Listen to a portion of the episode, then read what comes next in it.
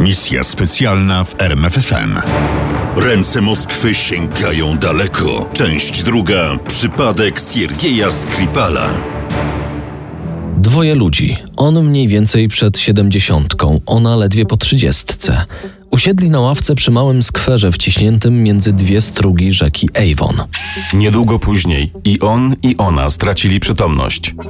Tamtego dnia, 4 marca 2018 roku, pogoda w Salisbury była paskudna. Kłód wdzierał się pod płaszcze, siąpił nieprzyjemny deszcz. Skwer był pusty, tylko od czasu do czasu z zamrzawki wyłaniał się ktoś, lecz niknął po chwili w szybko oddalającym się tupocie butów. Traf chciał, że przez skwer przechodziła również pewna kobieta z córką. E, skończyła się impreza urodzinowa mojego brata i wracałyśmy do domu. Opowiadała na łamach dziennika Guardian 16-letnia Abigail McCord. E, pamiętam, że zwróciłam uwagę na ludzi siedzących na ławce, bo w pierwszej chwili miałam wrażenie, że taki starszy mężczyzna ma atak serca. Podbiegły we dwie Abigail i jej matka Ellison. Pani McCord, a może lepiej pani pułkownik McCord, była lekarzem w armii brytyjskiej. Wiedziała, jak pomóc. Ale wiedziała również, że życie dwóch poszkodowanych osób zależy od natychmiastowej hospitalizacji. Dochodziła 4.15 po południu, kiedy zadzwoniła pod numer 999. Brytyjski odpowiednik numeru alarmowego 112. Na skwerze przy rzece Avon znalazłam kobietę i mężczyznę. Siedzą nieprzytomni na ławce. Potrzebny jest ambulansa, być może policja. Kiedy zjawił się ambulans, pułkownik McCart przekazała szybko najważniejsze informacje. Mężczyzna nieprzytomny. Kobieta spadła z ławki. Była całkowicie nieprzytomna, traciła kontrolę nad własnym ciałem. Udzielanie pierwszej pomocy przez zespół medyczny trwało do godziny 17.10. Potem nieprzytomnych pacjentów odwieziono do szpitala. Kobieta miała pianę na ustach, a jej oczy były szeroko otwarte, ale całkowicie białe. Mówił policji świadek. Śledztwo ruszyło natychmiast, ale 6 marca dochodzenie w tej sprawie przejęła policja metropolitarna. Do Salisbury, miasta w południowej Anglii, około dwóch godzin jazdy samochodem na zachód od Londynu, ruszyło 250 specjalistów od zwalczania terroryzmu i około 180 żołnierzy.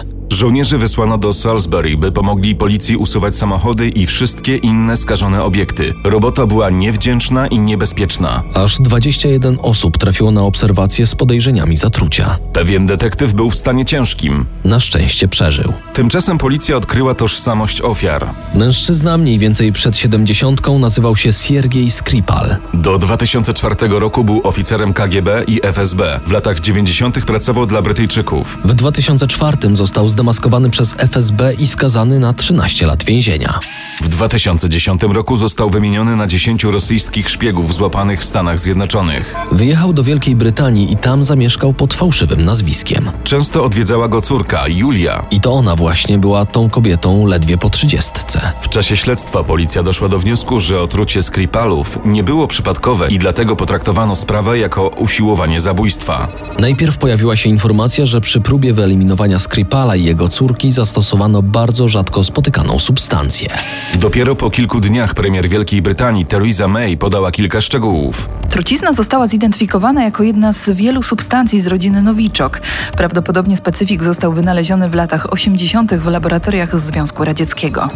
Premier May nie zdradziła prasie wszystkiego. Otóż na spotkaniu MI6 z sojuszniczymi agencjami wywiadowczymi oficerowie brytyjscy podali dokładne miejsce wyprodukowania trucizny. Zakład chemiczny w mieście Szychany w obwodzie saratowskim. Substancje z rodziny nowiczok najczęściej występują w stanie płynnym, ale nie zawsze. Rzadziej mogą mieć postać bardzo drobnego proszku. Śledztwo prowadzono powoli i starannie, a tymczasem niecierpliwe brytyjskie media domagały się jakichś informacji. Najpierw pojawiły się spekulacje, że trucizna została umieszczona w jednym z przedmiotów osobistych w walizce Julii Skripal już w Moskwie, zanim wyjechała do ojca. Potem amerykańską prasę obiegła wiadomość, że truciznę podłożono w samochodzie Siergieja Skripala. Po dwóch tygodniach analiz i badań okazało się, że było zupełnie inaczej. Śledztwo wykazało, że Skripalowie zostali otruci w domu Siergieja, przy czym najwyższe stężenie znaleziono na klamce drzwi wejściowych. Mówił dziennikarzom Ahmed Uzumcu, dyrektor generalny organizacji do spraw zakazu broni chemicznej. Trucizna miała miała formę płynną i została rozpylona. Ślady Nowiczoka znaleziono również w pubie Mill i restauracji włoskiej Zizi,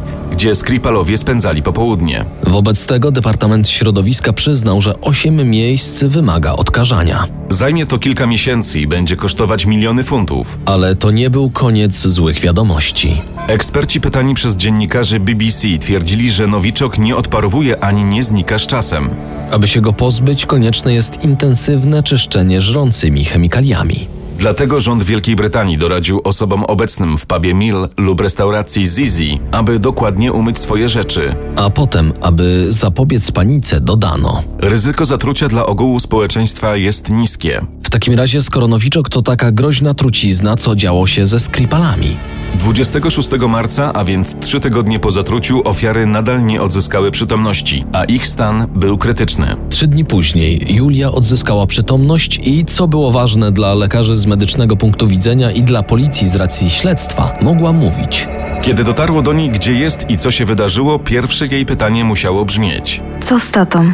Siergiej Skripal nadal był w stanie krytycznym. Dopiero miesiąc po zatruciu, 5 kwietnia, lekarze wydali oficjalny komunikat, w którym poinformowano, że pacjent czuje się lepiej i dobrze reaguje na leczenie. Co zatem zdecydowało o ich ocaleniu? Eksperci i policja podaje dwie podstawowe przyczyny. Po pierwsze, zdecydowana reakcja 16-letniej Abigail McCourt i jej matki. Po drugie, pogoda. 4 marca panowała gęsta mgła i wysoka wilgotność, a to według naukowców osłabia działanie tego rodzaju toksyn. Julia Skripal została wypisana ze szpitala 9 kwietnia. Jej ojciec przesiedział w szpitalu jeszcze miesiąc. Wyszedł 18 maja. Oboje, ojciec i córka, zostali zabrani w bezpieczne miejsce. Kilka tygodni wcześniej, 22 kwietnia 2018 roku, poinformowano o zidentyfikowaniu podejrzanych. Byli to dwaj obywatele rosyjscy występujący pod nazwiskami Aleksander Pietrow i Rusłan Boszyrow. Scotland Yard opublikował szczegółowy zapis 48 godzin spędzonych przez agentów GRU Wielkiej Brytanii. Okazało się, że 2 marca przylecieli z Moskwy na lotnisko Gatwick wyposażeni w rosyjskie paszporty. Zatrzymali się w hotelu City Stay na Bow Road we wschodnim Londynie. Następnego dnia odwiedzili Salisbury w celu przeprowadzenia rekonesansu. Po południu wrócili do Londynu. A następnego dnia znowu wybrali się pociągiem do Salisbury. Po wykonaniu zadania, czyli spryskaniu nowiczokiem klamki przy drzwiach do domu Skripala, pojechali na lotnisko Heathrow, a stamtąd do Moskwy.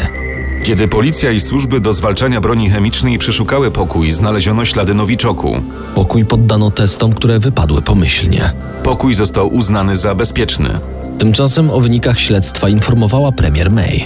Oficerowie pochodzą z rosyjskiego wywiadu wojskowego GRU, a atak został prawie na pewno zatwierdzony na wyższym szczeblu. Co na to Rosja? Najpierw odezwał się Ławrow. Zarzuty pani premier May to jakieś szaleństwo. Nazwiska i zdjęcia dwóch podejrzanych nic nam nie mówią. Potem odezwał się Putin. Dwaj podejrzani to cywile, a nie przestępcy i mam nadzieję, że mężczyźni wkrótce opowiedzą swoją wersję zdarzeń. Następnego dnia obaj podejrzani pojawili się w rosyjskiej telewizji, gdzie odnieśli się do rewelacji przedstawionych przez Theresa May. Byliśmy tylko turystami. Chcieliśmy zwiedzić cudowne miasto Salisbury i zobaczyć jego słynną katedrę. Koniec końców Moskwa oskarżyła Londyn o kłamstwo. A Brytyjczycy pewni swoich racji podawali kolejne informacje. Człowiek nazywający się Aleksander Pietrow w ciągu ostatnich dwóch lat odbył około 10 podróży do Europy Zachodniej. Dokumenty uzyskane przez holenderskich dziennikarzy śledczych z grupy Bellingcat pokazują, że Pietrow bywał w Paryżu, Genewie, Amsterdamie i trzykrotnie w Wielkiej Brytanii. Pierwszy raz przyleciał tu we wrześniu 2016 roku. Ponownie między 28 lutego a 5 marca 2017 roku. I wreszcie w marcu 2018, czyli w okresie, gdy Siergiej Skripal został otruty.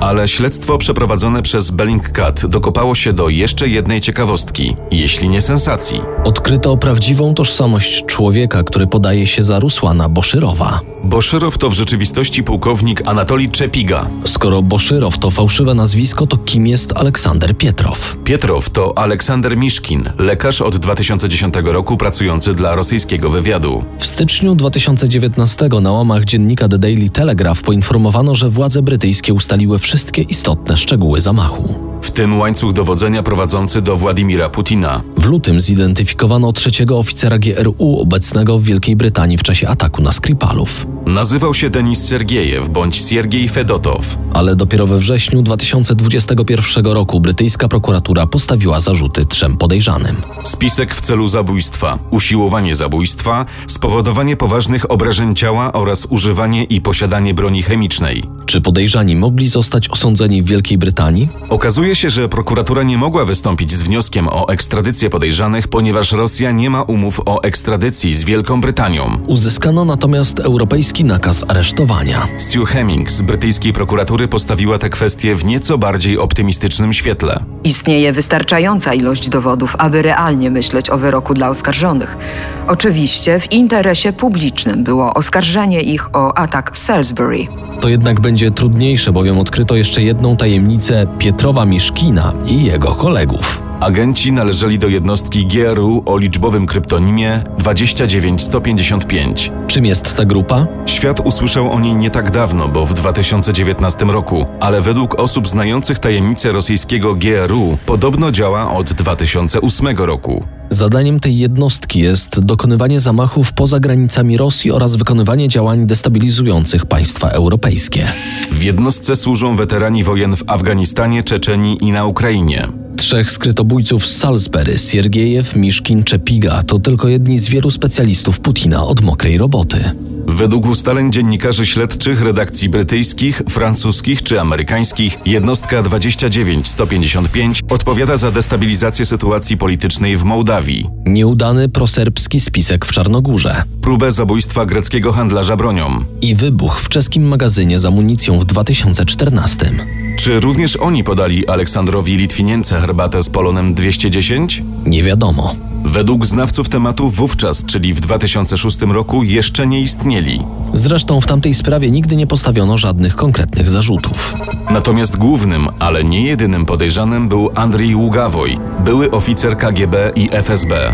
A może to właśnie sprawa Litwinienki zmusiła Putina i jego kolegów z FSB do zorganizowania jednostki 29155.